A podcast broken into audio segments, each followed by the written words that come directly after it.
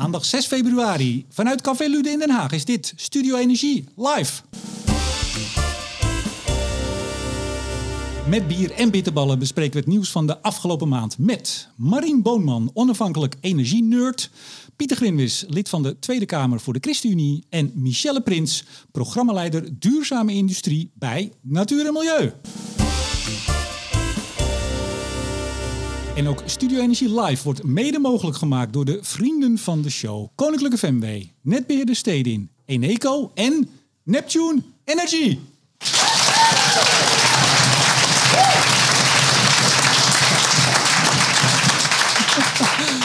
Marien, Marien, wat is dit voor een ontvangst, hè? Ja, dankjewel.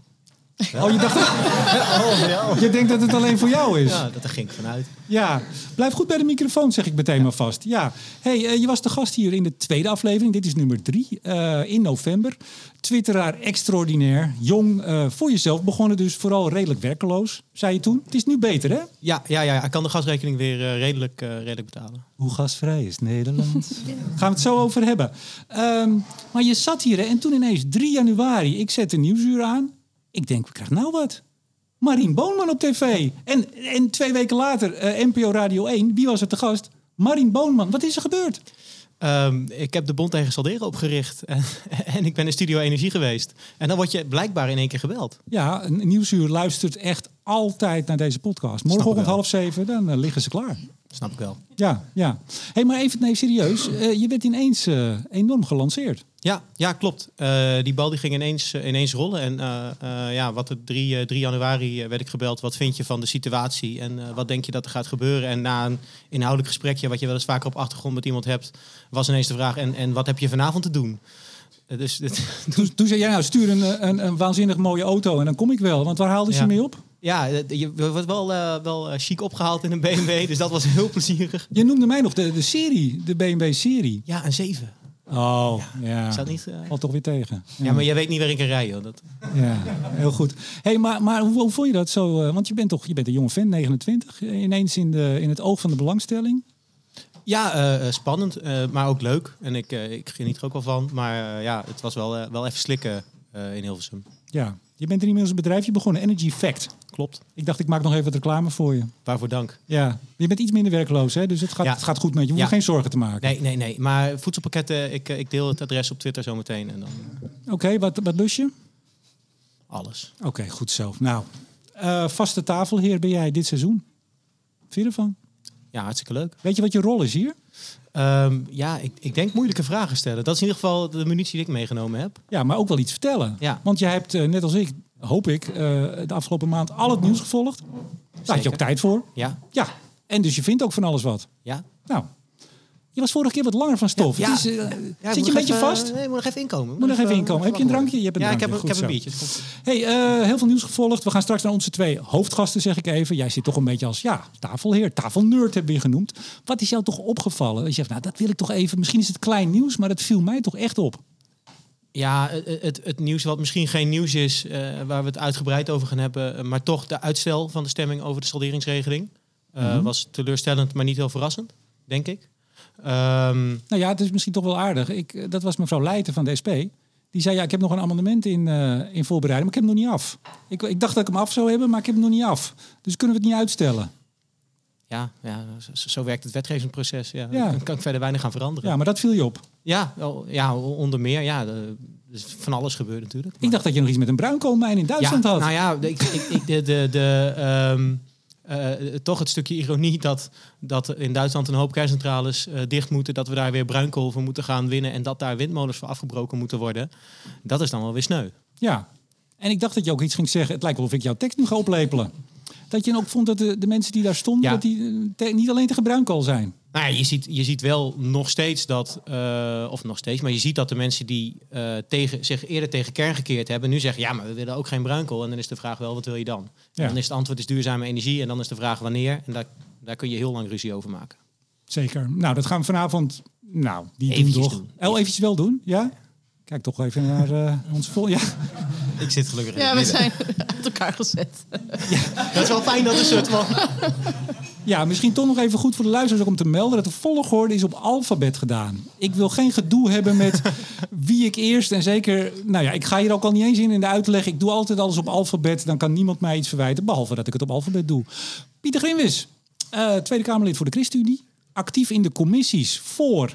En dan zeg ik tegen de luisteraars thuis, pak even koffie. En hier zeg ik, nou ga anders even een drankje halen, want...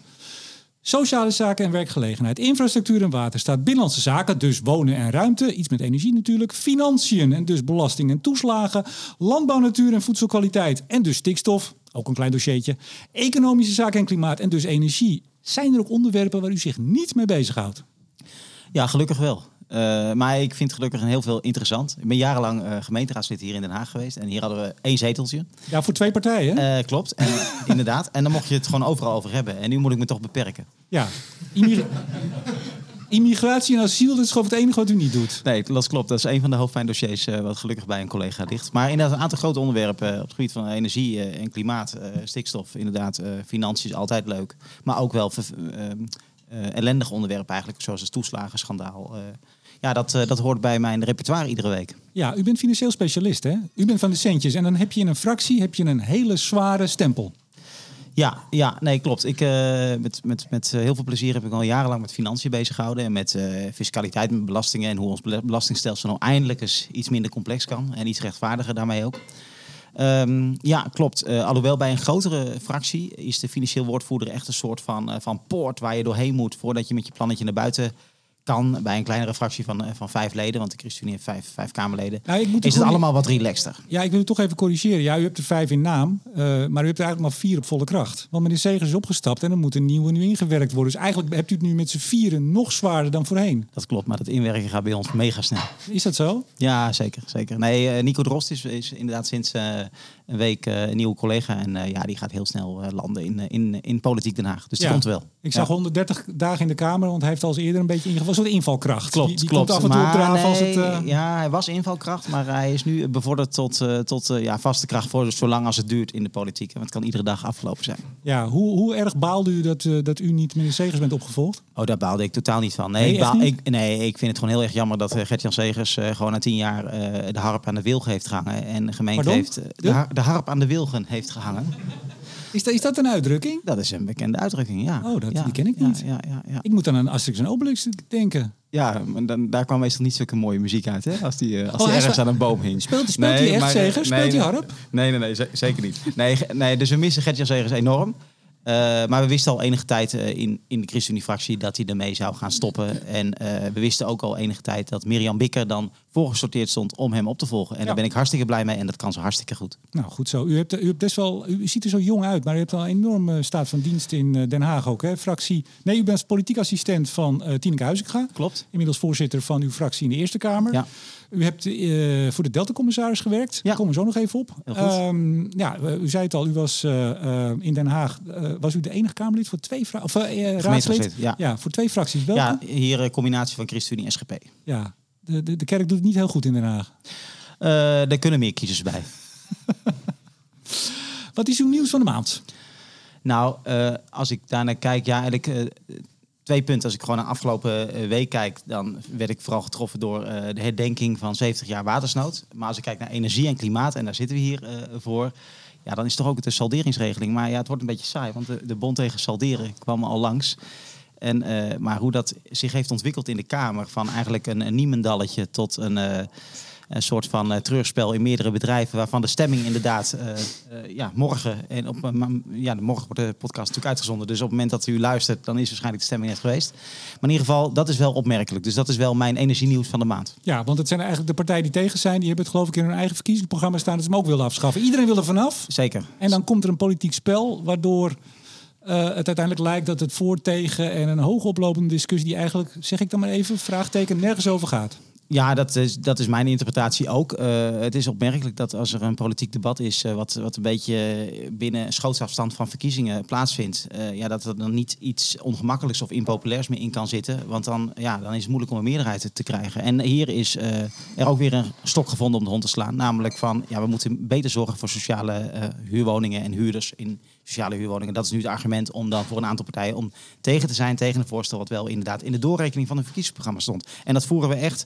op de, tot op de letter uit, namelijk vanaf 2025 pas iets gaan doen aan het. eh, aan de afbouw van het salderen. Ja, ik heb nog geprobeerd een beetje te helpen, meneer Grimwis. Ik heb mevrouw Kreuger van GroenLinks bij op één gevraagd... kunt u nou niet gewoon lekker constructief meewerken in de uitwerking van het plan... zodat ook haar punten eh, aan de orde komen. Maar het, het wil maar niet lukken. Nee, ik kon uw uitleg eh, niet verbeteren. Dat was echt eh, uitmuntend. Maar, Oh, dank u het- wel. het- maar, het, maar, maar, het lijkt, maar, het, maar het lijkt erop alsof in deze fase, zo in aanloop naar 15 maart, argumenten wat moeilijker doordringen tot de hersenpan dan in eh, tijden na verkiezingen. Doe maar, doe maar. Nou, we gaan een gezellige avond tegemoet. Eh, U noemde het al even, die herdenking van de watersnoodramp. U komt uit Zeeland. Het gaat u zeer aan het hart. Ja, ik kom van Goeree Overflakkee. Oh god, oh, Ja, daar gaan oh, we weer. ook nog, oh god. Ja, dat, daar gaan we weer. Ja, we doen het live, hè. Er kan Ja. niks meer aan gedaan worden. Goeree Overflakkee eh, en, en ook West-Brabant en Zeeland zijn heel hard getroffen in die, in die eh, eh, beruchte nacht van 31 januari op 1 februari in drie- 1953, 70 jaar geleden. En dat werd de afgelopen week herdacht. En ik ben inderdaad opgegroeid op Goeree Overflakkee. En dat is toch wel een beetje echt wel een ankerpunt in de geschiedenis. Eh, de vraag van eh, ben je van voor of van na de ramp is daar eh, nou ja, bijvoorbeeld een vraag die aan je gesteld wordt als je van een zekere leeftijd bent. Ja. Om te bepalen van hey, ben je- heb je dat nog meegemaakt of niet? U hebt daar een opinie over geschreven in het AD, maar Ja. de lange versie staat op uw website. Ja, klopt. U, u doet daar ook drie, ja, drie lessen, trekt u. Mhm. Eh, dat heeft ook iets met klimaat te maken. Zeker. Ja, ja. Ja, zegt u Ja, zwaar. nee, nee, inderdaad. De, de, de eerste eh, les is eigenlijk in de politiek, en dat- dat is voor, voor u misschien heel eh, ge- gebruikelijk, maar in de politiek eh, wordt het nog wel eens vergeten, namelijk denk ver vooruit. Plan ver vooruit. En ik heb het geïllustreerd in dat artikel met woningbouw. Maar eigenlijk gaat het over veel meer dan alleen woningbouw. Maar denk heel goed naar waar je woningen bouwt. Maar dat is ook weer niet, en dat is eigenlijk les 2. wees niet bang of zo. Of, of laat je niet door angst verlammen. Wan, wanhoop niet, zegt u. Wanhoop niet, inderdaad. Heb een beetje lef. Want denk goed na. Trek je dus niet massaal terug in het oosten van het land en eh, kijken hoe ver het water komt. Maar eh, ga goed plannen, ga goed rekenen, eh, ga goed anticiperen. Maar zorg ook dat, dat, dat, dat bijvoorbeeld bepaalde kosten die je moet aan hebben, die je moet maken om een weg aan te leggen in bijvoorbeeld gebied wat wegzakt. Overreken dat en zorg dat je echt de hele levenscyclus in oogschouw neemt. En dan kan het zo zijn dat je anders gaat aankijken tegen de planning van een, woning, Ja. een woonwijk. En dat geldt ook voor banken. Als die op die manier hun financiering gaan, gaan, gaan aanpassen eigenlijk aan risico's eh, Mhm. die je kwantitatief kan bepalen, dan krijg je ook een andere planning in het land. En eh, nou, nou, dat, is, dat, dat zijn twee lessen eigenlijk van eh, denk ver vooruit, maar wees ook adaptief, wees Ja. flexibel. En heb een beetje lef en leg bijvoorbeeld een kering aan voor de Maaslandkering, de Hollandkering genoemd. Dat is zo'n les. en de Hollandkering is een, eigenlijk een fenomeen waardoor je die, die combinatie van die twee keringen, Maaslandkering en die kering ervoor, wordt het zoveel veiliger, waardoor de dijken daarachter minder verzwaard, versterkt, verhoogd hoeven te worden. Ja. En de derde les was inderdaad, ja, uiteindelijk is de oorzaak van versnelde zeespiegelstijging straks eh, de mate van klimaatverandering. Dus het beste remedie uiteindelijk is naast je goed voorbereiden aan de adaptatiekant, op de mitigatiekant proberen met elkaar zoveel mogelijk te doen tegen klimaatverandering. Ja, ik vond die volgorde toch wel opvallend. U begint eigenlijk toch met mitigatie. Die zet u op twee en dan op drie jaar moet ook wel voorkomen. Hè? Nee, zien we daar toch een... Ad- Adaptatie zet ik andere- eigenlijk op één, Ja. en, inderdaad, en, en, en, mitigatie op drie. Maar ja, bij waterveiligheid moet je toch wel eerst heel cool eh, eh, eh, kijken, wat gebeurt er en waar moet je op voorbereiden. En inderdaad, qua inspanning van, van ons als mensheid en ook van, van ons land, is wel, eh, eh, staat mitigatie natuurlijk op één. Maar bij waterveiligheid moet je toch echt ook wel gaan kijken, wat gebeurt er? Goed, nou, zo ook over de salderingsregeling, afschaffing en het, eh mag ik het de soap noemen van de salderingsregeling? Van mij mag De dat. salderingssoap, Zeker, dank u wel. Zeker. Michelle Prins, ehm, bij Volker Wessels gezeten, bij Deloitte, Honeywell, eh, veel ook in de energie en het vastgoed. En toen ineens, 2016, dacht u, ik ga bij Natuur en Milieu werken. Ja. Eh, projectmanager energie, inmiddels dus programmaleider duurzame industrie. Hoe kwam u tot die stap eh, naar de milieubeweging? Ja, ik had daarvoor dus altijd in het bedrijfsleven gewerkt, in bouw en vastgoed. En het gave daaraan vond ik dat je begint met een blanco vel en dan een jaar of anderhalf jaar, twee jaar later staat er een gebouw met een WKO-systeem, PV-panelen, groene gevels. eh, dus super tastbaar en heel, heel nou, mooi om daaraan te werken. Ehm, en ook bij Honeywell werkte ik aan energieprestatiecontracten voor eh, gebouwen, universiteiten, ziekenhuizen. Eh, maar het was altijd maar één gebouw. Eh, ergens in, nou ja, waar dan ook. En het voelde toch een beetje van, ja, eh, misschien moet ik toch wat meer impact gaan hebben. Ehm, ik kreeg toen een kind. En dan zo'n klassiek verhaal dat je dan toch gaat nadenken over de, de zin van het leven. En herijken wat je allemaal doet. Ehm, en toen bedacht ik me, ja, ik wil eigenlijk ehm, mijn impact groter maken. En toen kwam Natuur en Milieu langs. Nou, die werken aan beleidsbeïnvloeding. Eh, en ik geloof ook echt dat werken aan beleid, die, die, aan die knop draaien, dat dat eh, eh, eigenlijk het belangrijkste is om die energietransitie te versnellen. Nou, kijk eens aan. Wat is uw nieuws van de maand? Ja, mijn nieuws van de maand is eigenlijk geen nieuws geweest. Nou, dank u wel. in de grote media, helaas. Ehm, maar dat was dat er een ronde tafelgesprek over economische systeemverandering eh, in de Tweede Kamer was. Ehm, en dat was eigenlijk bijna onopgemerkt voor het grote publiek. Ook voor meneer Grimwis. En ook voor meneer Grimwis. Grimwis, u was er niet bij, hè? Nee, ik zat eh, in, een, in een ander debat. Een van die andere honderd commissies waar u in ja, zit. ja, ja. nee. En, en debatten gaan in- inderdaad vaak voor eh ronde tafelgesprekken, want die kun je terugkijken. Ja, Nee, maar nee, nee, maar de- dat moet ik nog doen. Ja, zeker. Want het sluit denk ik heel mooi aan bij jouw eerste punt eh, uit jouw oproep. Kijk naar de lange termijn. Eh, want volgens mij was het de eerste keer dat het echt over economische systeemverandering in de Tweede Kamer ging. En dus ook over die lange termijn. Eh, het was heel diep en inhoudelijk. Ze hadden hele goede sprekers. Eh, en ik vond het eigenlijk echt bijzonder. Want dat is wat we nodig hebben om naar die eh, duurzame samenleving te gaan. Het systeem moet anders.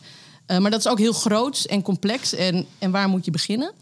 Eh, dus ik was heel blij dat dus eh, politici, de Tweede Kamer zich daarin verdiept en, eh, en dus die experts had uitgenodigd.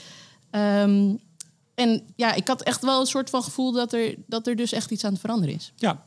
Zal ik de sprekers even noemen? Want u Ja. zegt hele, hele goede ja, sprekers. nou, ik wil ze ook zelf noemen hoor. Dat, eh, Nou, dat mag ja, nee, doen. ja, de, dus eh, er waren niet veel sprekers, er waren drie sprekers. Eh, Voor een ronde tafel is dat eigenlijk niks, hè? nee, het was een Nee, soort, soort hoekje of zo. Ik snap dat meneer, Grimwis niet gekeken heeft. Die dacht, nou, laat maar gaan. Ja, maar het gaat niet om de hoeveelheid. Ehm Helene de Koning, Ja, IPCC-auteur en... Gast geweest hier bij Studio Energie. Ja, en professor aan de TU Eindhoven Inmiddels, ja. inmiddels. Eh, Gert-Jan Kramer, eh, professor aan de Universiteit Utrecht. Ik verklap vast een heel klein geheimtje. Die zal best wel eens binnenkort de gast kunnen zijn Oh, bij Studio heel Energie. leuk, heel ja, leuk. dat Ja, was... Ja. ja. Eh, en Jeroen van den Berg. Nee, die wil ik niet. Oh, Nee, nee, nee. Nee, die is ook heel goed, hè? ja. Ja, in Dus, Barcelona zit hij. En eh, hij was eh, eh, met een verbinding, geloof ik, aanwezig. Ja. digitaal. Nou, ik, ik heb even met u natuurlijk overlegd met u drieën wat gaan we doen. En u vond het ook wel een, een goed idee toen ik voorstel om dit aan eigenlijk wat afgelopen maand vooral heel veel nieuws was. Ja, de vergroening van de industrie in Europa Ja. met name. Wat wil Nederland? Ik kijk al even naar meneer Grimwis. Meneer Rutte die is ernstig aan de slag. In Brussel zijn we aan het kijken hoe gaan we ja, zorgen überhaupt dat we straks nog een economie hebben. Dus dat koppelen we er eigenlijk aan. Ja. En u had ook nog een, een ja, meer persoonlijk nieuws, zou ik zeggen. Ja, een beetje ook klein nieuws. Ehm, een berichtje in de Volkskrant dat we de anderhalve graad opwarming van de aarde mogelijk volgend jaar al aantikken. Ehm, nou, ik vond dat best wel, eh, weet je, anderhalve graad is natuurlijk waar ook de vorige kop over ging van Keep 1.5 Alive. Ehm, en het bericht dat we dat misschien volgend jaar al eh, ehm, bereiken, dat vond ik toch best wel heftig. En Ja, ook met, met, met veel ze- onzekerheid met veel nog, hè? onzekerheid. En het is ook niet zo dat het dan allemaal verloren is. Hè? Want het is een jaargemiddelde en de, eh, het gaat eigenlijk over het langjarig gemiddelde. Dus eh, Parijs is nog in zicht. Ehm, en het is ook niet zo. En, nou ja, het, het is niet allemaal verloren. Maar ik vond het toch wel een, een ding dat ik dacht, nou, ehm, het gaat in ieder geval sneller dan eh, de wetenschappers verwachten. Ehm, dus Mo- mogelijk. mogelijk. Ja, ik wil het, nee, nee, Nee, nee, nee, ik wil het heel niet goed. bagatelliseren, maar het was een stuk van eh, Ja. Maarten Keulemans, eh, de Ja. wetenschapsredactie, met alle mits en maren die er ook bij horen. Dat is een goed, goed stuk. Ja, was goed. Ik heb nog even naar het origineel gekeken. Ja, het heeft met El Nino te maken en La Ja. Nina. Ja. Nou, meer zeg ik niet. Ja. Laten mensen het opzoeken, toch? In de Volkskrant precies. of bij Ja. New Scientist. Ja. Ehm, nee, maar het was wel gek, want u, u zei dat. En ik moet echt eerlijk bekennen, maar ik ben een boek aan het schrijven. Dus ik, ik zit af en toe even een beetje eruit. Maar het was geen nieuws ook. Nee, nee. En dat is natuurlijk best wel gek. Ja, dat, dat, eh, net als dus die ronde tafel, dat moet, dat moet gewoon nieuws Ja, zijn. hebt wat mij allemaal nieuws wat eigenlijk geen nee, nieuws is. Ja, dat vind is gewoon heel raar dat dat geen nieuws is. En toch Dus- fijn dat u er bent. Ja. ja absoluut. Ehm Marien, even, even een kleintje tussendoor. Afgelopen maand, vertel eens wat. Eh, poeh, zo. Ja, ja. Ja. je dacht... Ik eh, mocht, ja, ik mocht geen hoofdnieuws meenemen, dus ik heb Nee, dat gewoon, eh, gewoon in de brievenbus laten liggen. ja. Ehm, nou ja, eh eh Lutzeraad eh, en, en saldering eigenlijk met name. ja, maar volgens mij had je ook iets met de ACM. Ja, eh, wel, wel meer dan één ding. Ja, nou, doe, doe maar één ding. Nee, even, prijsplafond is ingevoerd. Meneer Grimwis weet dat. 900 miljoen eh, hebben de energiebedrijven, waarvan er hier ook eh, volgens mij minimaal eh paar zitten. 900 miljoen eh, nodig voor, ja, ter compensatie van de lagere tarieven die ze rekenen. Nou is de ACM gekomen en heeft gezegd, nou, wij zien hele grote prijsverschillen en wij zien eigenlijk totaal geen transparantie. Nou, totaal. Zien geen transparantie onvoldoende in de tarieven. Dat viel jou op. Nou ja, met name hele grote verschillen. En eh, ja, dat, dan begrijp ik wel dat ze op een gegeven moment vragen gaan stellen. Dus ze hebben ook verleden week hebben ze een onderzoek ingesteld naar de grote drie. Ehm, en ja, waarschijnlijk zijn die vragen allemaal bevredigend te beantwoorden. Maar wat je wel ziet is dat die tarieven heel ver uit elkaar zijn gaan lopen. Ja. En ik denk dat het wel goed is dat ACM die vragen een keer stelt. Ja. Want ACM heeft geen geschiedenis van heel kordaat handhaven. Er lopen gasten weg, eh Marien. Ik, weet- ik, weet- ik, weet- Ja, maar die werkt niet bij ACM, dat is prima. ik weet niet wat er gebeurt. Ja, nee, die hadden dat aangekondigd. Die hadden aangekondigd. Die moesten eerder weg. Eh, nee, maar het is wat ik eh, met die Grimwis, eh dat plafond, nou, dat is ook met heel veel gesteggel en, en gesoebat is dat voor elkaar gekomen. Veel vraagtekens ook. Hè. Gaan die energiebedrijven niet te veel verdienen? Hoe kijkt u naar zo'n bericht van de ACM? Nou ja, eigenlijk wel een beetje met hetzelfde gevoel als Marien. Want eh, ze hebben nou niet een enorm track record van eh, hard ingrijpen in de energiemarkt. Hè. Ze, ze beperken zich to- eigenlijk tot het stellen van, eh, van vragen. En dan ver- vervolgens gebeurt er niet zoveel. Want eerder, eh, eh, afgelopen jaar, bij het vaststellen van, eh, van de warmtetarieven, het maximum. En dat Eneco met name ging op het maximum zitten. En andere bedrijven er net onder. Ja, dat, dat, dat roept wel vragen op. En zeker nu tegen de achtergrond van dat, dat de, de prijzen nu weer wat aan het dalen zijn. Wat betekent het dan bijvoorbeeld voor zo'n prijs die één keer per jaar wordt vastgesteld? Nou, dat, dat bij, bij de ACM, het maximum. Ja. En ook bij het prijsplafond. Ja, wij als Kamer zitten natuurlijk een beetje. Dat, dat, daar moeten we ook mee oppassen dat we niet alleen een spel spelen, maar eh, ook serieus gaat om het doel, namelijk zorgen dat enerzijds we vertrouwen geven aan energiebedrijven, want die hebben we gevraagd een prijsplafond uit te voeren om dat goed te doen. En dat moeten ze ook kunnen doen, ook financieel. En tegelijkertijd ja, zitten wij wel als een bok op de haverkist dat er geen euro verloren gaat aan belastinggeld. En ondertussen praat ik gewoon eventjes door, terwijl er wordt eh, gesleuteld aan een microfoon. Kijk, daar zie je En- toch de professional, hè? en dat is een beetje wel eh, de vraag waar je mee zit. Dus in die zin, ja, totaal logisch dat de ACM gaat, eh, vragen gaat stellen op zijn minst. Want eh, ja, de verschillen, als die niet helemaal te verklaren zijn met inkoopstrategieën, waardoor dan wel? Ja, maar houdt u ook een beetje de vinger aan de pols als Kamer? Nou ja, dit bericht is nog vrij vers en we hebben nog geen debat gehad over hoe gaat het nou met het prijsplafond. We hebben geloof ik volgende week, ja, volgende week hebben wij weer een soort algemeen commissiedebat over klimaat en energie met minister Jette. Ja, nou, een van de vragen zal zeker zijn van hoe gaat het eigenlijk met het prijsplafond en hoe gaat het met het tegengaan van overwinst. Dat is Ja. een, van de, een van de vragen die zeker aan de orde komt. U bent financieel specialist. Zo'n bedrag van 900 miljoen, wat even zo in één maand eh, ja, nodig is uit de staatskas. Hoe kijkt u daar tegen? Ja, ik vind het gewoon nog moeilijk eh, te wegen. Eh, januari is een maand waarin veel, veel, relatief veel gas wordt verstookt. Ehm, dus hoe dit nou precies tot stand is gekomen, hoe dat zich verhoudt tot de rest van het jaar met, met, met de huidige ontwikkeling op de, op, de, op de gasmarkt. Ik kan er nog moeilijk eh, een, vinger, vinger achter krijgen. Eh, feit was dat in, het, in, het, eh, in de wereld voor het prijsplafond we ongeveer dachten dat we 5, 5,5 miljard zouden gaan derven om de burger te ondersteunen als het gaat om de energierekening. En dit prijsplafond, ja, dat heeft zulke grote marges van, van, van inderdaad ongeveer die eh 4, 5 miljard tot, tot wel 40 miljard gehad. Nou ja, 900 miljoen. Dat kun je niet keer 12 doen. Eh, dan moet je gewoon gaan kijken van maand op maand wat gaat er gebeuren. Dus Ja. ik, ik, ja, ik, ik, ik heb er niet echt gelijk een mening over van is het, oh, wat is het veel of oh, wat is het weinig. Ja, eh, Michelle Prins heeft uh, Natuur en Milieu een mening over het prijsplafond. Ehm, nee, volgens mij formeel niet. Eigenlijk. Vind jij er Eh, iets van? Ehm, nou, nou ja, ik, ik denk dat het. ehm, ik- laat ik het zo. Ik denk dat het vrij snel is ingevoerd. Ehm, en ik denk dat dat misschien dan beter had gekund als er meer tijd voor was genomen en alles uitgezocht wat alle impact zouden zijn. Maar ik denk dat die tijd er dus niet is. Eh, dus dat, je dit, dat dit gewoon ehm, ja, zo is zoals het gaat. Ja, Marien? Ja?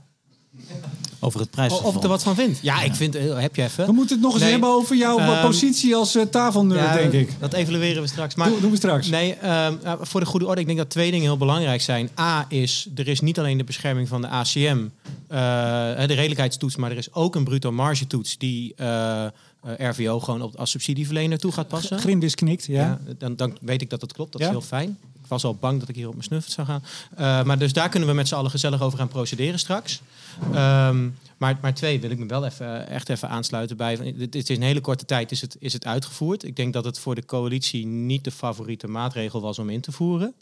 Ehm, Grimwis schudt nee. ja, dat is twee uit twee. Ja. Ehm, eh, en, en wat ik dan wel jammer vind, is dat er nu weer heel veel gelazer is over dat het dan niet ideaal geïmplementeerd is. En eh, daar, daar kan ik me wel aan storen. Ik denk dat eh, hoe het nu uitgevoerd wordt, dat dat oké is. Ik ben nog steeds geen onverdeeld voorstander. Maar hè, vooruit, dan, nou, moet- nou moeten we het er ook maar mee doen. Want je kunt niet nu nog halverwege eh, of, of lopend het jaar... Ja, je kunt alles, maar dat lijkt me ook niet heel, niet heel verstandig. Ja, nou, over, over dan toch maar de salderingsregeling. Meneer Grimwis, uw hoofdonderwerp, uw hoofdnieuws. Ja. Ehm, tot, tot, tot nog even, heel kort. Kunt u dat? Ja, dat kunt u. Hoeveel spreektijd krijgt u normaal altijd in de Kamer? Dat is vaak kort, hè? In een commissiedebat is het een minuutje of vier. Oh, nee, dat is eh, veel te lang. Maar het, maar het voordeel bij een salderingsregeling, dat is een wetwijziging. En dan kun je onbeperkt inschrijven. Oh, voor lang staat u? Nou, oh, stond nee, u? Nee, ik maar een minuutje of tien. Ik was er, eh, ik was er, eh, ik heb, en daarmee had ik ruimte. Ik was er snel klaar mee. Da- daarmee had ik ruim tijd, tijd over. Ja, Ja. ja. Even de salderingsregel, wat was het ook alweer? Ja, eigenlijk heel simpel. Eh, De stroom die je opwekt met zonnepanelen mag je weer wegstrepen eh, tegen stroom die je op andere momenten eh, nodig hebt van het net. en dus weer van het net haalt. Ja, en dat kost geld en, En dat, dat, betalen ook andere mensen. Ja, precies. En, en, en dat mag inclusief belastingen dus worden, worden gesaldeerd. En dat betekent eigenlijk drie dingen qua, qua kosten. Eén, je slaat een gat in de opbrengst aan energiebelasting. Eh, ten tweede, je hebt inderdaad eh, de verschil tussen gelijktijdig en ongelijktijdig. eh, dat je de stroom eh, levert, waarschijnlijk als iedereen aan het leveren is. Grote Stroom, belasting eh, van net. stroom, eh, ja, precies. Groot eh, stroom goedkoop en je haalt het weer terug op het moment dat de stroom duurder is. Plus je hebt, de, ja, je hebt een belasting op het net. Dat zijn eigenlijk de drie componenten, drie, drie vormen van, van kosten. Ja, ik zeg meteen even dat Letitia daar zit van eh, de nieuwe podcast Voetnoten. Althans, het vervolg van de podcast Voetnoten. Eh, special over de salderingsregeling gedaan bij Energia. Luistert allen, zeggen we dan. Ze knikt. Daar sluit ik me graag bij aan. Dat heb ik, heb ik nog gedaan. Even, we zullen nog even een rondje maken. Nou, eh Marien, eh, voorzitter, president, secretaris van de Bond tegen Salderen. Maar mag ik misschien nog even, want, want Nee, Nee, mag ik daar niet op inhaken? Nee, ja, ik, wil, ik wil nog één ding waar ik me... eh, kijk, ik snap heel... Want ik heb best wel ook wel veel mailtjes gehad van mensen... eh, die net eh, hadden geïnvesteerd of gingen investeren in zonnepanelen. En heel erg schrokken en zo. Eh, tegelijkertijd, het beeld van een onbetrouwbare overheid... wil ik nog wel eventjes wel, wel weer spreken. Wat hier en daar... ja, eh, dat, wacht, wacht even. Dat, nou weet ik genoeg van Den Haag. Dat door- Nu dat u het zelf benoemt, vestigt u zelf het beeld Ja. van de onbetrouwbare overheid. Ja, nee, maar eh, oké, oké. maar veel luisteraars weten heus wel wat ik bedoel en eh, vinden dat niet zo Oh. erg dat ik dat beeld even aan, aanroer, denk ik. Nee, ik vind in 2004 is, het- is het inge- inge- ingevoerd hè, als in de vorm van een amendement. In 2013 al heeft Henk Kamp als toenmalige minister al gezegd, ja jongens, eh, die regeling heeft wel zijn langste tijd gehad in, in zijn plannen voor lokale opwek.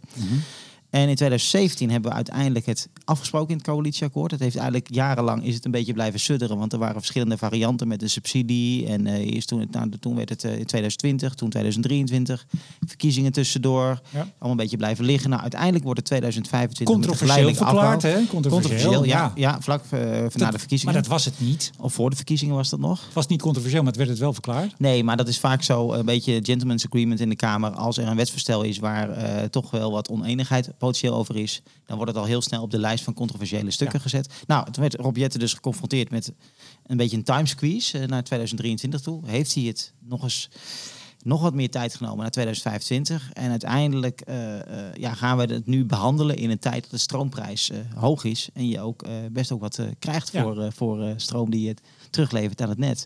Ja, en dus daarmee is volgens mij een beetje. En vlak voor verkiezingen is er een soort van moment geschapen waarom het heel prettig is om er tegen te zijn. En tegelijkertijd zijn volgens mij, als je dat allemaal op je in laat werken, hoe het is gegaan, wat er gebeurt, hoe lang die dingen op je dak liggen en hoe, hoe eh, snel je ze eh, terug kunt verdienen. Los van het vraag of je ze helemaal wil terugverdienen, want dat, dat is afhankelijk van je motivatie waarmee je ze op je dak legt.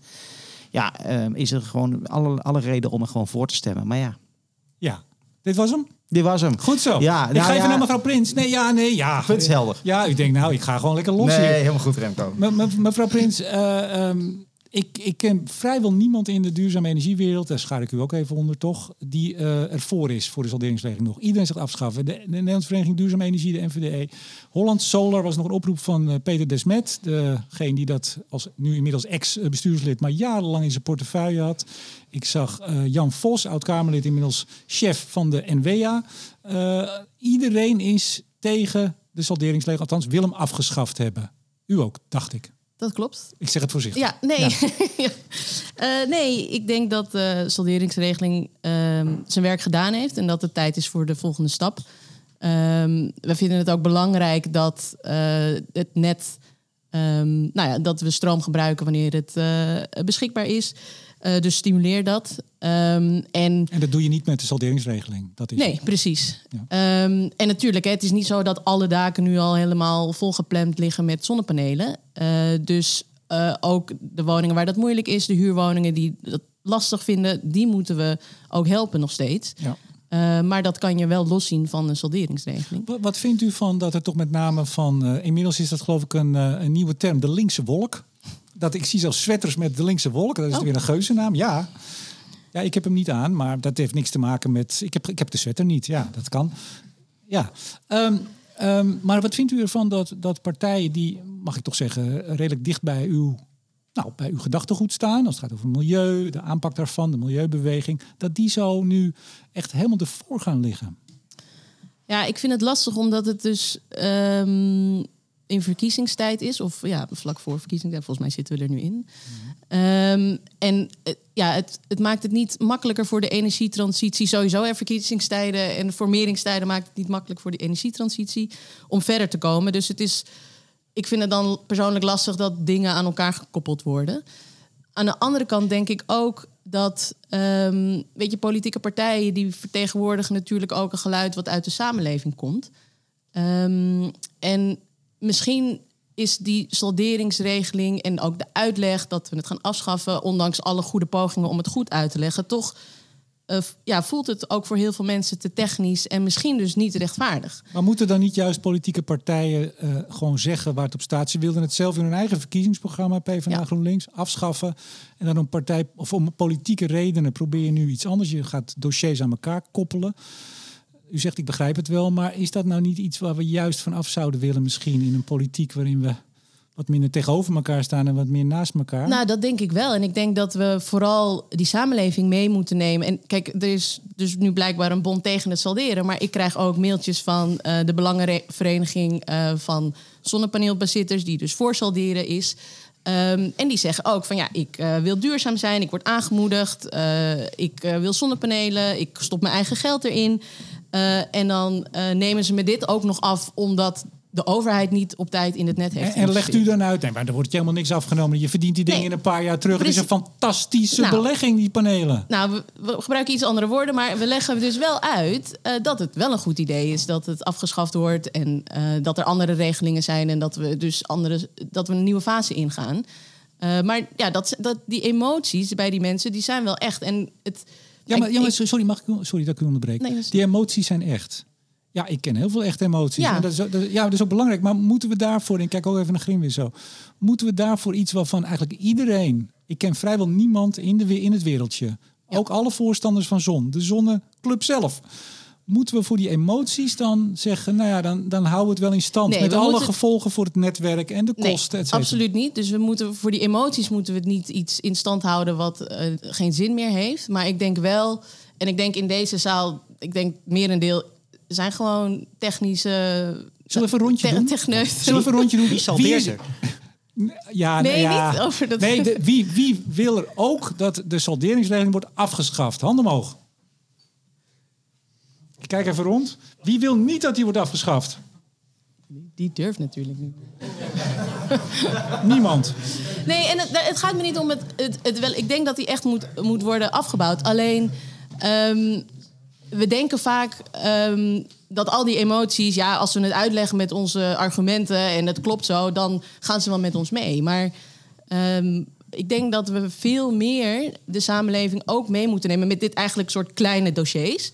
Want anders gaat het dus heel groot worden. Want ja, mensen voelen daar dus wel allemaal dingen bij. En als we het dus niet goed uitleggen, de overheid, maar ook wij als milieubeweging, politieke partijen. eh, ja, dan wordt die hele energietransitie ook nog wel lastig. Dit is alleen salderen, maar straks gaan we eh, van het gas af, die warmtetransitie. Straks willen we dat mensen anders gaan reizen. Straks gaan we misschien meer financiering vragen voor de verduurzaming voor de industrie. Daar hebben we echt de samenleving Ja. ook bij nodig. Ik geef aan de voorzitter van de Bond tegen Salderen. Gevoelens, eh eh, Marina, moeten we heel erg voorzichtig mee zijn. Ja, ik, als Delftenaar begeef ik me nu op heel glad ijs. Ehm, maar eh, eh, emoties zijn echt en valide en eh, prima. Alleen wat ik wel ook een beetje hoor en wat ik ook wel zie gebeuren... is dat feiten dus steeds minder relevant worden. En dat vind ik wel ergens erg jammer. Want ik zie nu de, de partijen die nu voor de, die gewoon de salderings, het afbouwsaldering gewoon politiek gijzelen. Ik kan het niet anders zien. Eh, dat zijn ook de partijen die zeggen sociaal te zijn. Dat zijn ook de partijen die zeggen op te komen voor lagere inkomens. Eh, in de tussentijd zien we tussen de half miljard en de anderhalf miljard ligt eraan aan wie het vraagt en met welke getallen je rekent. Per jaar van gemiddeld minder lage inkomens naar gemiddeld, eh, sorry, gemiddeld lagere naar gemiddeld hogere inkomens vloeien. En ik ben het helemaal met je eens dat. ehm, dat draagvlak belangrijk is en dat we het met z'n allen moeten doen. En eh, dat is allemaal valide. Alleen ik kan me wel eens opvreten als dus het ineens dan blijkbaar niet meer uitmaakt wat er waar is en wat niet. Ja, even, even een grimwis, sorry. Even een, zie ik hoor ik daar applaus? Dat is een eenzaam applaus. Of, of komt er meer applaus voor dit? eh? Even meneer Grimwis, als u nou achter de schermen met, eh, met GroenLinks, eh, PvdA praat, met Thijs, met Kreuger, misschien SP. Hoe zitten ze er dan in? En, en zo ja, kunt u er iets over vertellen? En zo ja, mag dat? Oh ja, zeker. Maar volgens mij, ja, de laatste week heb ik achter de schermen niet zoveel met GroenLinks en PvdA-collega's over, eh, over salderen gesproken. Ik, ik zelf was, was in die zin, nou ja, kijk, enerzijds zie je dat zo'n zo'n debat relatief dicht bij verkiezingen komt. Dus is het altijd weer eh, afwachten, wat gaan eh, partijen doen. Hè? We zagen zelfs tijdens het debat dat één fractie eh, tot de ontdekking kwam dat ze de enige waren ongeveer die, die, dezelfde lijn hadden als de coalitie. Daar schrokken ze zo van dat ze schielijk hun, hun betoog weer introkken. Hè? Dat was, nou ja, Ja, maar- collega Kops was dat van de PVV. De- want anders was het in de Eerste Kamer had het alsnog makkelijke meerderheid gehad. Ja, want ik ging op een gegeven moment naar bed en toen was Ja. het, er is steun en het eh, Ja. komt erdoor. En toen werd ik wakker s ochtends en toen was PVV zijn steun ingetrokken. Ja, dat was meneer Kops. Ja, en als je, als je tien minuten langer wakker was geweest, Remco, dan had je die. De, de- ik heb zelden. Er wordt wel eens aan, aan een kabinetspartij of aan de minister wel eens verweten van u, u draait en zo. Maar zo'n snelle draai heb ik nog zelden gezien. Dus het was, dat was wel opmerkelijk. Dus je ziet gewoon in, dat, in dit debat inhoud en feiten een beetje ondergeschikt zijn aan politieke posities. Van ja, maar je gaat toch niet menen, je gaat toch dit kabinet niet steunen of je gaat deze minister niet aan een meerderheid helpen. Dat, dat soort beetje kinderachtige reflexen spelen ook een rol. En daarna speelt wel, eh, natuurlijk zit, moet je ook niet onderschatten dat er wel, degelijk ook zorgen zijn van, hey, we zien enorme verschillen in ons land tussen ehm, eh, bijvoorbeeld hoe eh, sociale huurders eh, kunnen profiteren van, van zon- zonnepanelen en ten, ten opzichte van woningeigenaren.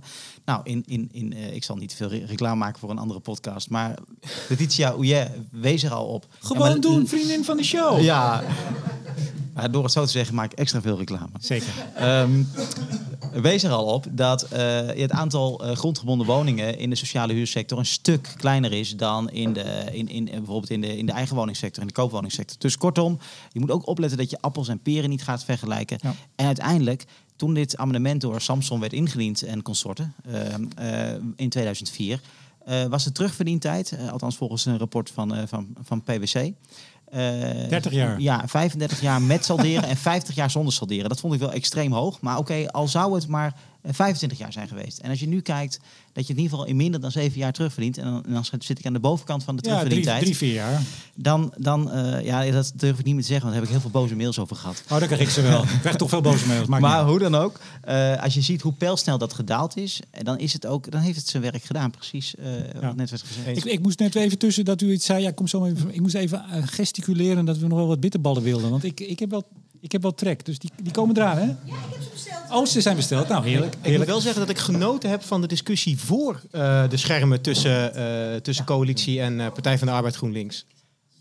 Waar, waar, waar genoot je het zo van, Marine? Ben ik, Ik, ik, ik heb ook, dat is, ik, ik wist niet of het raar zou zijn om een bloemetje mee te nemen, maar ik heb, ik heb bloemen beloofd aan zowel Silvio Erkens als Henry Bontebal als aan jou. Een soort, soort boyband is dat.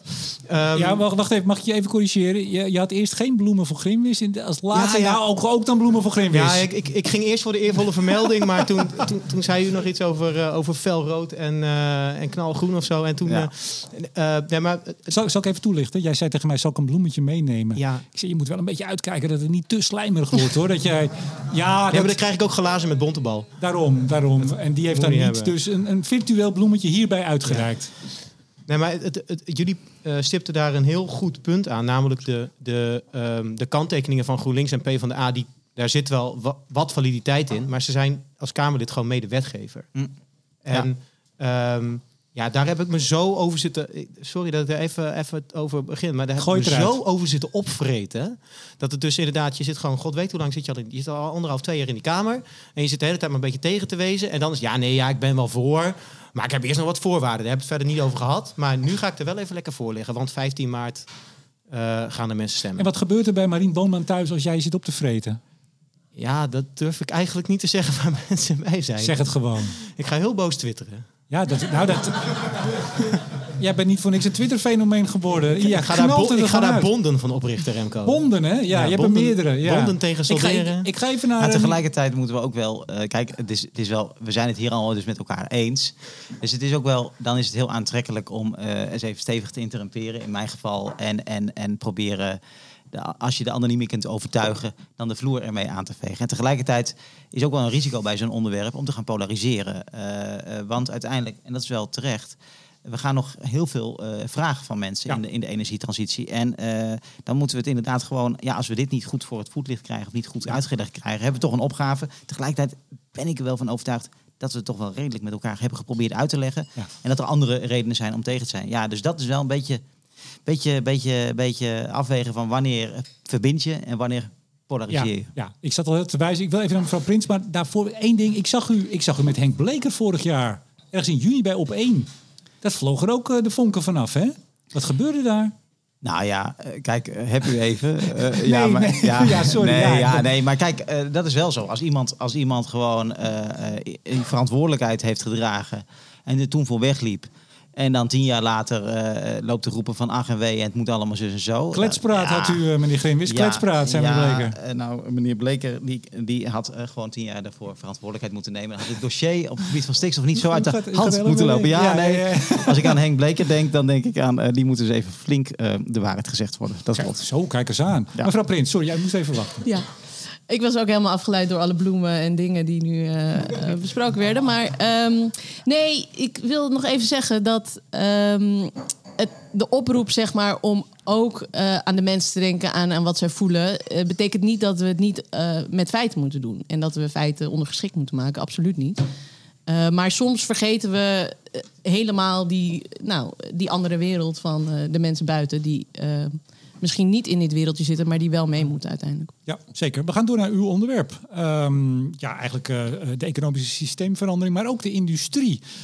Nou, u bent eh, programmamanager eh, industrie, duurzame industrie. Ik denk dat u eh, druk heeft gehad afgelopen maand alleen nog met de artikelen lezen nou, overal. inderdaad zeg. Het ging, eh, het ging alleen maar over de industrie. Ja, wat, wat, wat gebeurt er dan? Kunt u dat kort samenvatten? Wat er zo even hoog over gebeurt? Nou ja, het, eh, er is... ehm, ja, waar zal ik beginnen? Ik denk, misschien begon het wel het nieuwe jaar met eh, traditioneel de nieuwjaarsspeech van de eh, SG van Economische Zaken en Klimaat. Eh, dat werd gelijk nieuws en in mijn ogen ook best wel opgeblazen met een beetje suggestieve koppen en reacties. En dat ik dacht, oh, wat gebeurt er? Ik ga eens even dat artikel lezen. Ehm, en dat was eigenlijk best wel een goed verhaal, vond ik. Ehm, waarin nou ja, ook de huidige situatie werd beschreven. Met, eh, leven in een andere context met dure eh, energie. Eh, we gaan verduurzamen. De industrie moet veranderen. En ehm, nou, eigenlijk willen we de industrie daarbij helpen. Nou, dus- nou, ja, ja, nou, dat, ja, ik ja, vond ja. eigenlijk dat ik dat wel Schreef ze dat? kon- Ja? bij verduurzaming wel, ja. Ze zei wel van we gaan geen ongebreidelde steun meer aan de industrie geven. Eh, maar de weg is verduurzaming en daar, eh, daar helpen we ze mee. Ja, ze is de, de waarnemend eh, Ja. secretaris-generaal. Inmiddels hebben we is benoemd de nieuwe. Ja. Sandro Gaastra. Wie kent hem niet, dames en heren? Volgens mij kennen jullie hem allemaal. Wie kent hem niet? Wie kent hem wel? Goeie keuze. eh, Ja, denk ik wel. Ja. Ja, Ja. maar dat even terzijde. Dit ging helemaal mis, dit. ja, je probeert dus wat. Nee, maar zij schreef, eh, en ik heb nog eens eh, nagevraagd, hoe, hoe gaat het? Want ook binnen EZK, er zitten wat EZK-ambtenaren hier. Nou, dat is natuurlijk ook niet één mening wat daar... De, de status van het artikel, eh, ieder jaar, jaarlijks is traditie hè, in het ESB, het Economenblad, eh, staat zo'n stuk. En eigenlijk, de, de, de titel was, moet ik het even goed zeggen, eh, van een gasintensieve naar een duurzame economie. Nou, tot zover eh, prima. Eigenlijk, maar zo lees ik het, maar graag aan u. Geen steun in verband met het concurrentienadeel van de Nederlandse industrie, tenzij. Dus zelf je broek ophouden in de verduurzamingsslag tenzij. En dan kwamen er een paar Ja. eh, punten. In welk geval, als het bijvoorbeeld heel erg belangrijk is, strategisch belang de industrie. Maar het was wel nee, eh, tenzij. Las u het zo? zo? Ja, ik las hem niet zo zwart-wit eigenlijk. Maar ze begonnen op te sommen dat ze het eh, eigen broek moeten ophouden. En dan kwamen Ja. er aan het eind van, nou ja, maar ja. als het nou, Nou echt ja, je moeilijk zou het zo dan- kunnen lezen. Ja, ja. Ja, Nou ja, ik, het, dus ik snap dat er wat geprikkeld gereageerd werd. Ehm, Het gekke was in kra- sommige kranten. nou, vooral, het begon met de raar, kranten. Ja. Het begon met de kranten. Ehm, dus ik was ook wel echt benieuwd van, oh, nou, wat, eh, wat staat er dan? Maar ik, toen ik het dus zelf las, vond ik het dus eh, eigenlijk een verhaal wat ook al langer bekend was bij, eh, bij EZK. Er is vorig jaar ook een ronde tafel gesprek geweest over de impact van de energieprijzen en of we de industrie moeten steunen. Ehm, daar mocht ik ook een bijdrage leveren. En daar was eigenlijk ook wel de consensus van ja. eh, we moeten, weet je, als we nu bedrijven gaan steunen, hoe lang moet dat dan? Want eh, de gasprijs blijft hoog en we gaan echt een ander, andere fase in. Eh, je kan niet zonder einddatum steun geven, maar we moeten wel helpen met verduurzaming. En ik had heel erg het gevoel dat dat ook gedragen werd door andere partijen, ook door de industrie. Ehm, dus ik, had, ik las die lijn, las ik in ieder geval ook in dat artikel. Maar is het niet misschien ook opvallend dat er zo'n artikel wordt geschreven? Nogmaals, het is een traditie. Het is niet even op een achternaamiddag een klein stukje. Het is een traditioneel artikel van de secretaris-generaal van het ministerie van Economische Zaken en Klimaat. Dat wordt dus goed gelezen. Dat verschillende kranten daar ook iets heel anders in lazen. Dat het in die zin wat Ja. ambigu was. Is, dat- is dat de rol, vindt u, voor zover u daar, daar een opvatting over heeft, eh, mo- moet een artikel van een ministerie tot zoveel, eh, nou, ik zou bijna zeggen, polarisatie leiden? Ja, dat weet ik eigenlijk niet. Dat, eh, Vindt u het goed? Nou ja, goed. Het, waarom niet, denk ik dan? We, Ja, zo kun Nee, maar het is, het is namelijk wel een soort van de discussie die we nu met elkaar hebben. Hè? Van oké, eh, we hebben geen goedkoop fossiel gas meer. En ehm, we hebben wel een industrie die daarop draait. Ehm, in hoeverre gaan we, gaan we die steunen? In hoeverre willen we die. In welke industrie willen we steunen en welke niet? Dat is een beetje de, de million dollar question die je nu overal hoort. Hè? Ook in, in, in de Kamer van ja, welke industrie dan wel niet? En dat wordt ook aan ons gevraagd. Ja, dat, nou ja, eh, wij hebben daar geen antwoord op. Wij weten wel dat we geen fossiele brandstoffen meer willen. En Ja? nou ja, en onze industrie die gebruikt helaas heel veel fossiele brandstoffen. Dus dat maakt het heel erg complex. En nou, dat vond ik dus ook mooi in, in die ronde tafel over systeemverandering. Daar werd ook die vraag gesteld van ja, maar wat dan? En welke industrie? En daar was eigenlijk het antwoord, ja, dat weten we niet. Maar dan kom je toch ook. Ik vind het goed dat ik even naar meneer Ja, Grimmis dat ga. is Meneer Grimmis, kun je daaruit komen? Want de milieubewegingen, dan kijk ik niet zozeer naar natuur en milieu, maar er zijn ook andere natuur- en milieuorganisaties. Ja, die zijn er ook in Nederland. Die hebben vooral het punt op de agenda gezet. Nou, ik, ik vat het even heel erg eh, samen en gechargeerd. Ja, die vieze industrie, eh, wat moeten we er nog mee eigenlijk? Kom je hier nog uit? Nu eigenlijk de industrie in het verdomhoekje zit, dat mag ik toch zeggen, denk ik. Kun, Ja. je, kun je als poli- politicus nog iets zeggen over wie er dan mag blijven en wie gaan we steunen en wie niet? Ja, kijk, ik vind het, is heel moeilijk met een schaartje te knippen. Ik, ik vind het ook heel moeilijk om als, als eenvoudige volksvertegenwoordiger te zeggen van jij wel, jij niet. Eh, ja, ik weet niet, dat is ook niet echt eh, mijn taak. Volgens mij eh, gaan we, zijn we in de politiek al veel te vaak bezig met het sturen op middelen, terwijl we uiteindelijk op doelen eh, zullen moeten sturen. Om daar binnen vernieuwing en innovatie eh, eh, uit, te, uit te lokken. Maar, nee, maar Dus dat- Grimwis, de, de, de nood is echt aan de man. In Ja. Brussel is men enigszins in paniek. In re- reactie op eh, het Amerikaanse voorstel, Ja, of eigenlijk klopt. niet eens een voorstel, 300, wat is het, 69 miljard dollar of euro, ben ik altijd in de war. Een groot pakket geld eh, om bedrijven naar Amerika te lokken, waar de energieprijs al lager is, terwijl die in Europa veel hoger is. Ik begrijp dat zeker tot 2025 blijft die ook heel hoog. En ik las, ik dacht het IEA, en het was volgens mij het artikel van de, de SG, dat tot 2030 in ieder geval die nog altijd twee keer hoger is dan in Amerika. Onze energieprijs in 2030 twee keer zo hoog. De nood is aan de man, Mhm. meneer Geen Wis. Dan kunt u wel zeggen, ja, ik weet ook niet wat ik moet kiezen, maar u moet wat. Nee, ja, dat, ik, ik, ik zei in reactie op welke sector wel of niet in de lucht houden. Ja, dat, maar dat, dat, is een hele ingewikkelde. Tegelijkertijd zie je dat wij wel eh, proberen, en dat gaat nog niet zo heel hard, hè, maar dat er eh, met, met een aantal bedrijven, dan wel clusters van bedrijven, maatwerkafspraken worden gemaakt om eh, juist een, stabiele, een stabiel investeringspad eigenlijk mogelijk te maken, zodat we die verduurzaming wel op, op, op gang gaan krijgen. En als het gaat over die Amerikaanse aanpak.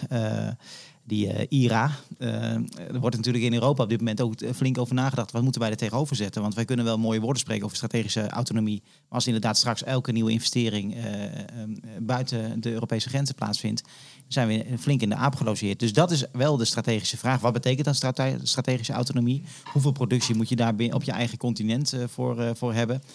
En in dat kader zijn we natuurlijk, ja, hebben we natuurlijk heel vaak ook debat over Tata Steel bijvoorbeeld. Die we enerzijds super graag in Nederland willen houden. Tegelijkertijd willen we de omwonenden van Velzen en IJmuiden niet eh, nou ja, tot in lengte van jaren met eh, eh, de, de, de kooks op hun balkon en in hun tuin en op hun, in hun die hun gezond, gezondheid eigenlijk negatief beïnvloedt.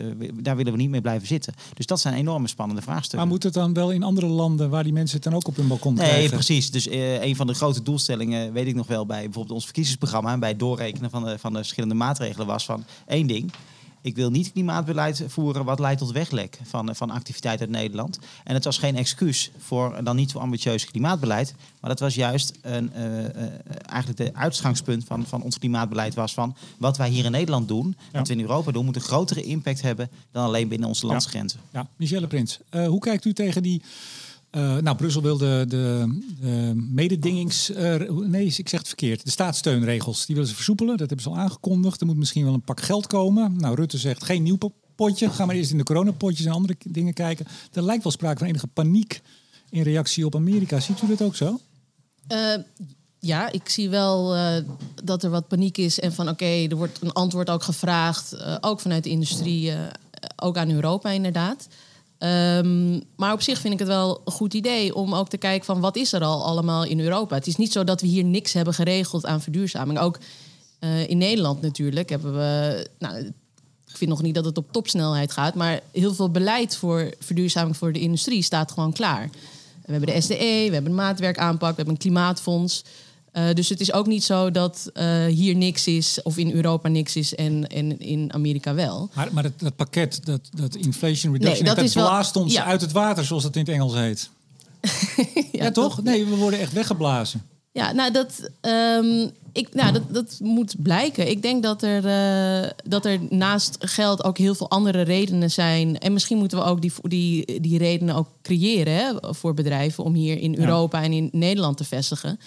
Eh, maar dan zou ik liever zeggen van oké, kijk niet alleen naar dat vestigingsklimaat en om dat eh, zo aantrekkelijk mogelijk voor bedrijven te maken, maar eh, zorg dat het een klimaat wordt waar mensen willen verduurzamen, waar bedrijven willen verduurzamen. Ja. Dus daar moet het om gaan. En dan kijk je dus ook naar de langere termijn in plaats van korte termijn paniekvoetbal. Oké, Marien, hoe kijk jij naar? Ja, ik, ik wil wel een paar observaties eh, delen. Ehm, ten eerste, wat ik, wat ik zie is... Jullie hebben allebei hetzelfde stuk gelezen, denk ik, in TSB. Ehm, en jullie lezen allebei totaal wat anders. En dat, dat vind ik interessant, want de, de SG probeert blijkbaar een discussie te openen... over wat moeten we met die industrie. En dat is toch inderdaad eh, toch een beetje een soort olifant in de kamer... waar we allemaal een beetje tegenaan willen praten... maar niemand wil precies benoemen wat het is. En je leest dat ook terug in, als je kijkt naar wat het ETS recent gepubliceerd heeft... daar staat ook heel omvloerst staat iets van... ja, we, Sorry, wie? Wat? het ETS, het e expertteam energie... Ik weet niet eens wat het voor staat, joh. Oké. Expertteam energiesysteem. Nou, dankjewel. Ehm waar die T dan verder precies voor staat. Expertteam. Expert team, ja, oh team. Ja, expert team is voor mij. Goed bezig. Marien. Ja, nee, je ziet, eh, je ziet ik ben, eh, ik ben voorbereid. Maar, nee, maar ook daar staat ook heel onvloerst van... ja, we zullen keuzes moeten maken en, en dit en dat. En absoluut, we zullen keuzes moeten maken... maar voor iedereen leest er dus voor zijn gevoel... een bepaalde impliciete keuze in... die er blijkbaar niet echt staat. Want iedereen kan daar lezen wat hij wil lezen. We leven in een, eh, in een realiteit waarin we gewoon 60 jaar voor niks gas gehad hebben. Daarom hebben we nu heel veel energie-intensieve industrie... Ehm, en, en daar moeten we wat mee. Ehm, nou ja, die discussie die moeten we hebben, maar die moeten we dan ook expliciet hebben en niet alleen maar wat suggereren en dan kijken wat, eh, eh, wat de krant ermee doet, denk ik. Dat is één. En twee, mis ik een beetje het woord ETS. Ik, we hebben het nu een tijdje over en het, het ETS is toch een soort van het startpunt en de rest is flankerend beleid. Los van dat we, dat we onze markt beschermen met CBAM straks. Ja, de, de, Nou, daar, wil- daar- daar wil ik ook nog wel wat over zeggen. Ik bedoel, et- eh, het ETS eh, gaat natuurlijk naar nul in, in 2040. eh, als alles gaat zoals we met elkaar hebben afgesproken. Maar ik denk dat we daar wel juist heel veel beleid voor nodig hebben. En, en middelen en instrumenten. Want Ja, ik, weet je, ik kan ook zeggen van eh 1 juli ga ik een marathon lopen. En het staat in mijn agenda, dus het gaat gebeuren. Maar je moet daar toch iets voor doen. Want anders ja, kan het in je agenda staan, maar dan bereiken we dat niet. Dus eh, het, het, van, ja, het wordt al vaak gezegd, ja, we hebben ETS. Dat is voor mij niet voldoende. Maar dat, dat, Nee, plaf- dat eens. plafond komt toch weer harder naar beneden? Dat, dat is toch al concreet? Het is toch niet maar een ideetje? Wat Nee, we- precies, maar daar Ja. moet wel wat voor gebeuren. Dus die, dus die Maar wat dan? Dat- fabrieken, dat is toch- eh, die moeten aangepast worden. Want ja, je kan of je moet stoppen met uitstoten, maar Nou ja. dat willen we niet. We willen dat ze die omslag maken. En we willen ook een nieuwe industrie eh, in Nederland opbouwen. Dus als je dat allemaal wil, eh, en ook die werkgelegenheid en alles in, in Nederland of in Europa behouden, ja, dan moet je wel werken aan die omslag. Ja, maar meneer Grimwis, ehm, eh, onder minister Wiebes, minister Wiebes heeft al de industriebrief geschreven voor de basisindustrie. Dat is een prachtig brief, ik heb het er vaker over gehad. Bond was ook lyrisch. Toen was hij nog podcastmaker. Volgens mij is hij nog steeds enthousiast.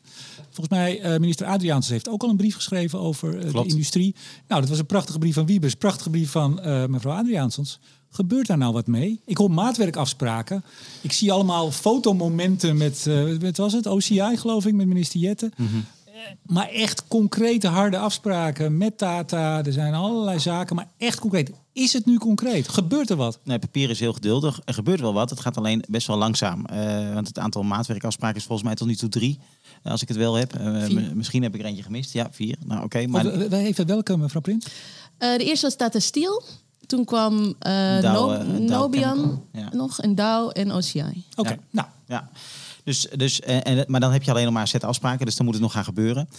Eh, maar nou ben ik uw vraag kwijt. eh. Ja. En het gek is, ik ook. Nou ja, maar, maar misschien kan Gebeurt nog- er wat? Dat maar, was de vraag. Maar er gebeurt er wat. Nou ja, ik, kijk, ik vind het... Dank. ik vind het wel heel belangrijk om wel... Kijk, de ETS inderdaad en eh, de CBAM of de KBAM eh, is, is, is zometeen het, is de kern van het eh, Europese klimaat. Ja, ik, leg hem toch, ik leg hem toch nog heel even uit dat als er eh, bijvoorbeeld China met spulletjes aan de grens komt. die geproduceerd zijn met heel veel fossiele energie. en wij hebben het hier gedaan zonder, waardoor het duurder is. dan moeten ze een heffing aan de grens Ja. betalen. zodat we het weer gelijk trekken. Ja, klopt. En eh, waardoor je dus het gratis uitdelen van die ETS-rechten ook kunt stoppen. En je dus de prijs voor een ETS-recht op de spot, spotmarket ook echt de prijs wordt die je gaat betalen om uit te stoten. En de aantal uitstootrechten gaat steeds verder omlaag. Dus je moet op een gegeven moment wel ehm, eh, of stoppen of, eh, of innoveren, eh et cetera. Dus dat is op zich een prachtig systeem. Alleen we weten allemaal dat de prijsprikkel als zodanig nog niet eh, voldoende is om een hele transitie voor elkaar te boksen. Hoe ga je in een, in een systeem, in een, in, in een, in een systeem waarin verschillende bedrijven afhankelijk zijn van elkaar, of waarin ehm, eh, je afhankelijk bent van de, van de, van de, van de kabel eh, voor je elektriciteit als de gascentrale op je fabrieksterrein eraf moet, zoals bij Tata of zoals bij Dow. Ja, dan moet je wel de garantie hebben van, die, van, van iemand, en dat is toch vaak de overheid, dat er dan op dat moment ook die elektriciteit is. En het liefst ook duurzaam opgewekt. eh, dan wel in ieder geval zonder CO2-uitstoot. Ja. Dus dat, dat, dat soort, dat soort systeemsprongen vergen veel meer dan alleen een prijsprikkel. Dus in die zin vind ik het wel logisch dat het Europese klimaatbeleid met als kern eh, het ETS-systeem en eh, onze nationale inspanningen, bijvoorbeeld om met die maat, ja, wat dan heet maatwerkafspraken, toch eh, een beetje die systeemsprong te gaan maken. Ja, me- me- mevrouw Prins, ik eh, heb natuurlijk ook alle artikelen gelezen en nog eens wat mensen gesproken.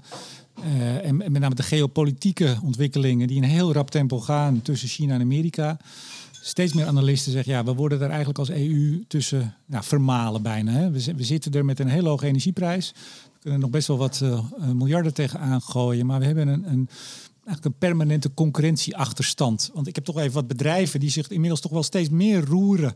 Dat Zweedse, wat is het, Northvolt batterijfabriek, eh, plannen voor een fabriek in Duitsland, eh, on hold. Er zijn allerlei bedrijven, eh, Yara, eh Solvay, die mogelijk vertrekken, die hinten daarop. Is het zo somber als ik af en toe denk als ik alle artikelen lees? Of hebt u nog steeds een optimistische kijk op de Nederlandse industrie, de Europese industrie, dat die en kan overleven en kan verduurzamen? Ja, ik ben. Ik bedoel, het is niet makkelijk, denk ik. eh, maar ik ben niet ehm, super cynisch daarover of zo. Ik denk dat het echt een hele grote opgave is. Eh, en dat we nu in die, transitie, fase van de transitie dat het overal botst. En dat we dus in elkaar vragen van ja, welke industrie wel, niet en alles. Ehm, maar er zijn gewoon plannen. En er zijn ook gewoon eh, langjarige plannen om in Nederland te investeren, in, in Europa te blijven. Ehm, ook omdat ja, voor sommigen heeft het ook niet per se zin om eh, de hele fabriek eh, eh, op te pakken en te verhuizen. Ja, maar, maar we hebben het net even gehad over die salderingsregeling. Wat toch, kijk even de, de heer ook aan, totaal klein bier is als we het hebben over de opgave waar we het nu over hebben, over de industrie en onze economie. Als je ziet dat daar al op zo gepolariseerd, of in ieder geval geprobeerd wordt dingen voor elkaar te krijgen, terwijl je er zelf ook tegen bent. Bent hebt u er dan vertrouwen in dat ook in de politiek, ik kom straks nog even bij Grimwis, dat in de politiek men elkaar gaat vinden om die uh, oplossing te vinden en niet met elkaar met verkiezingen. Er zijn altijd wel een keer verkiezingen weer. Hebt u vertrouwen in de politiek? Um, ja. maar ik vind het wel heel lastig. Ja, nee, ik vind het wel echt lastig. En um, het. Um, en ik denk, ik volg dan ook de politiek natuurlijk ook voor mijn werk. En dan uh, zit je er ook wat in. En ik, ik volg deba debatten, dat vind ik hartstikke leuk. Maar ik kan me wel voorstellen dat voor iemand die, die dat niet doet en uh, denkt van ja, waar, waar zijn jullie allemaal mee bezig? En dat daar wel een deel van het vertrouwen in de politiek um, verdwijnt. Um, maar ja, dan kom ik eigenlijk ook weer terug op dat, dat vorige. Want ook, ook voor al die andere dossiers moeten we dus uh, een verhaal hebben. En ook een, een positief verhaal dat we een kant op gaan. En dan gaan er dingen mis. En dan uh, misschien uh, zijn er een paar miljoenen, miljarden die niet goed worden besteed. Maar ja, het is zo'n grote opgave. We hebben het nog nooit gedaan. Maar we weten dat we moeten. Dus daar is ook gewoon wat lef en wat durf voor nodig. Maar, maar dan heb je meneer Kops van de PVV... die er tot zijn schrik achterkomt dat hij hetzelfde vindt als de coalitie... en het aan de meerderheid helpt. En, oh nee, dat moet ik toch niet. Ik ben toch maar weer tegen. Nee, maar ja, ik ga nee. even naar Greenwis ook. Ja, ja nou ja, dat, dus ik... ik, ik troost me met het feit dat de verkiezingsperiode ook niet heel lang duurt. Weet je, uiteindelijk is het ook een vrij afgebakende periode. Dus ik, ik Iets met gemeenteraad, iets nu met Tweede Kamer. Meneer Grimwis, toch even. Bent, bent u optimistisch dat u en uw collega's in deze, in deze tijd van, toch van polarisatie... we hebben een sierencampagne tegen polarisatie. Nou, dan, dan is het erg. Dan is het heel erg. met meneer Kops en, en PvdA en GroenLinks... die eigenlijk hetzelfde willen als u, maar er toch tegen zijn. Denkt u dat we deze opgave voor de industrie... en dus de economie van Nederland, voor een belangrijk deel, niet alleen... Belangrijk, gaan we dat nog bolwerken met elkaar? Ja, weet je, uh, voorspellen is moeilijk, zeker als het over de toekomst gaat. Maar ik denk uiteindelijk dat het toch moet. We zullen, we zullen met elkaar om tafel moeten. En uiteindelijk is dit uh, ook heel erg een Europees vraagstuk. En dan, en dan zie je ook weer verschillende uh, fenomenen. Hè? Dat, dat, dat de premier uh, van Nederland eerst inzet met uh, eerst bestaande potjes. Dat is natuurlijk niet alleen omdat er een, een, gevecht plaatsvindt over industrie, maar er vindt ook een gevecht plaats tussen Noord- en Zuid-Europa, om zo te zeggen, op dat moment over uh, de financiële degelijkheid. Ja, dan komt meneer Macron langs en die, die wil nieuwe potjes en zegt meneer, meneer Rutte, nou misschien wel, maar eerst even naar de oude potjes kijken. Ja, zo, zoiets ja. inderdaad. En nou ja, waar, waar, we dan uiteindelijk gaan uitkomen. Dus er vinden dan heel veel gevechten tegelijkertijd op Europees niveau plaats. Maar ik wil even naar uw vak, Tweede en, Kamer. Daar ja, zitten mensen nee, die uiteindelijk moeten ja. beslissen met 76 tegen 74 Kijk, of een andere verhouding voor iets. Het is makkelijker als je, als je in je eentje 76 haalt. Het is denk ik beter voor het land als je met meerdere partijen uh, uh, een, een, constructieve, degelijke meerderheid haalt. Maar het gaat wel spannend worden in de Eerste Kamer. Tegelijkertijd, meestal blijkt ook wel naar, uh, dat, dat, dat, dat na verkiezingen in de Eerste Kamer de soep ook weer niet zo heet gegeten wordt. Dus hè, ook al zou bijvoorbeeld even concreet naar die solderingsregeling, nog even dan dat kleine wetje vergeleken met dit grote vraagstuk. Het zou zomaar kunnen zijn dat in de Eerste Kamer weer mensen bij zinnen komen. Dat sluit ik niet uit. Dus, dus, dus, dus, dus uh, ja, ik wil niet al te veel somberen, maar dat uh, de, de hoeveelheid constructieve kracht in het midden. Um, uh, onder druk staat, dat is duidelijk. Dus ja. in die zin, we zullen uiteindelijk toch samen verder moeten gaan. Want een alternatief voor ons democratisch systeem heb ik niet zomaar voorhanden. Want dat is niet net zo vredig. Zeker, vredig. Marien, ben jij positief of uh, toch ook wat uh, negatief over de politiek die dit soort vraagstukken uiteindelijk in meerderheid moet gaan oplossen? Ik begin een beetje bang te worden. Um, en, en niet zozeer voor de politiek zelf, want het is een hele aardige vent, Pieter Grimwis. Dus ik voel me hier heel veilig. Alleen, uh, ik begin wel een beetje bang te worden voor um, dat nu, uh, nu wordt er uh, geklaagd, de overheid is onbetrouwbaar als salderen wordt uitgefaseerd, terwijl sinds 2013 en eigenlijk al langer loopt die discussie. Um, en dus met name eigenlijk een vraag aan, aan Michelle, maar zijn, zijn jullie niet bang voor dat er in 2025 of in 2030 een fabriek dicht moet? En uh, dat mensen dan zeggen, ja, maar de overheid doet het ineens. Terwijl we, wij hebben het hier nu al over. En in Den Haag gaat het er al veel langer over. En in Brussel gaat het er misschien dan toch al wel veel langer over. Nog veel langer over. Um, maar dat het dan ook mensen ineens toch schijnbaar ineens overkomt. Ja, ik denk dat je dat niet kan voorkomen. Omdat eh, wat je ook wil uitleggen en misschien ook in communicatie vanuit de overheid, dat je altijd mensen mist. Dus dat, dat gaat gebeuren. Ehm, maar ik mis nu wel, sorry, eh, mis nu wel eh, überhaupt een communicatie of een verhaal over naar welke industrie we willen. Wat gaan we überhaupt met die industrie doen? Behalve van ehm, nou ja, de discussies die je misschien thuis hebt, dat- besluiten of niet, weet je wel. Maar mevrouw- En dat- mevrouw- sorry mevrouw Prins, daar kom je toch niet meer uit. De twaalf grote uitstoters zijn door collega natuur- en milieuorganisaties van nu... die zijn neergezet als toch eigenlijk een beetje het ergste van het ergste. Dus daartussen kiezen moet je OCI in de lucht houden... moet Pernis blijven, moet BP, noem maar op. Daar kom je toch niet meer uit. Ze zijn heel succesvol als hele viezerikken weggezet... die eigenlijk het liefst maar zo snel mogelijk weg moeten. Ja, maar ik denk dus niet dat de politiek eh, ehm, gaat kiezen tussen die bedrijven. Ik denk ook dat eh, dat, dat ook helemaal niet reëel is. Eh, maar ik denk wel dat er voorwaarden gesteld moeten worden en, en richtingen. dat, ja, dat uiteindelijk, als je binnen die voorwaarden kan vergroenen, prima, maar anders niet. En dan is er dus ook geen Ja. plek meer. We gaan naar slotronde, meneer Geenwis. En wat Nou, nog een slotwoord. Nog een slotwoord. Het mag Nou, ook iets anders zijn hoor. U mag ook gewoon een mooi Ja. stichtelijk woord tot Nee, ons richten. nee, maar- Graag. Nou, Ja, nee, echt. Nou, wat, wat wel heel belangrijk is om, om te beseffen. En kijk, we zitten, een, een tijd van verandering gaat gewoon eh, gepaard met heel veel onvoorspelbaarheid. Ehm, en eh, ook in die zin, dan moeten wij als politici ook, ik zelf ook, gewoon eh, voor de draad ermee, gewoon eerlijk toegeven. Wij weten het ook niet precies. Maar we weten wel dat we uiteindelijk een, een, een, een, een wereld hebben gekregen die we willen doorgeven. Het liefst een beetje beter. En dat betekent dus dat gewoon eh, zo snel mogelijk als, als, als, als, als maar mogelijk is van fossiel af moeten. En daarmee is het, en dat is een enorm geworstel in de modder van de dagelijkse praktijk. En dat is, dat is eh, zwoegen, dat is bouwen, dat is graven. En wat ik wel hoop, we hadden vorige week ook een debat in de Kamer over, over de klimaatwet en het aanscherpen van de doelstelling. Ja, en ik heb daar altijd een beetje een ongemakkelijke verhouding mee met aanscherpen van doelstelling, want het schrijf je heel makkelijk snel op. Ja. Uiteindelijk moet het in de praktijk gebeuren. En daar, ja, dat is mijn drive, dat is mijn focus, ook bij het energiebeleid. Laten we alsjeblieft de, de, de oog op de bal hebben en eh, houden. En eh, dat, dat, dat gezoeg in de modder, dat moet mogelijk blijven. En dat moeten we vooruit helpen. En uiteindelijk elkaar eh, ja, om de oren slaan met we- wel of niet solderen. Zeker. Of wel of niet eh, eh, een doel omhoog. Ja, daar kom je niet zoveel verder Ja. bij. Tafelnerd van dienst, slot. Hier kan ik onmogelijk overheen. Ik wil wel eh, nog even eh, totaal, wel totaal wat anders, dat mocht. Eh, iedereen van harte aanbevelen het Raad van State advies over de energiewet te lezen. Ehm, ik denk dat er op economische zaken een paar mensen niet zo'n leuke middag hebben gehad.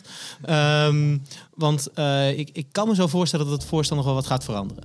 Goed zo. Nou, met dit... eh, Dat denk ik ook. ja? Ja, zeker, zeker. Dat gaan we, eh denk, ik hoop nog voor de zomer, uitgebreid over met elkaar we debatteren in de Kamer. Gaan we het zo nog even over hebben. Zeker. Mevrouw Prins, nog een laatste woord?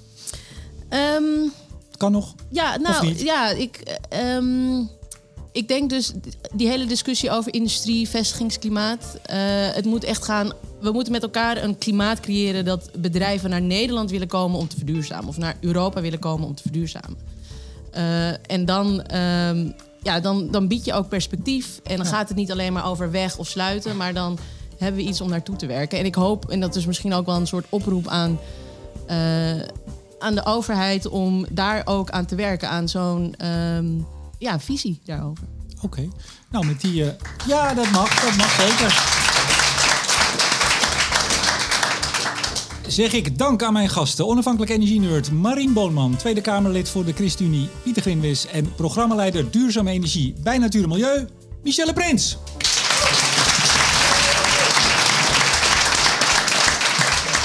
Zeg ook dank aan het publiek hier in Café Lude. En uiteraard bedank ik ook jullie, beste luisteraars. En in het bijzonder alle vrienden van de show. Waaronder Koninklijke FMW, Netbeheerder Stedin, Eneco en Neptune Energy. Mijn naam is...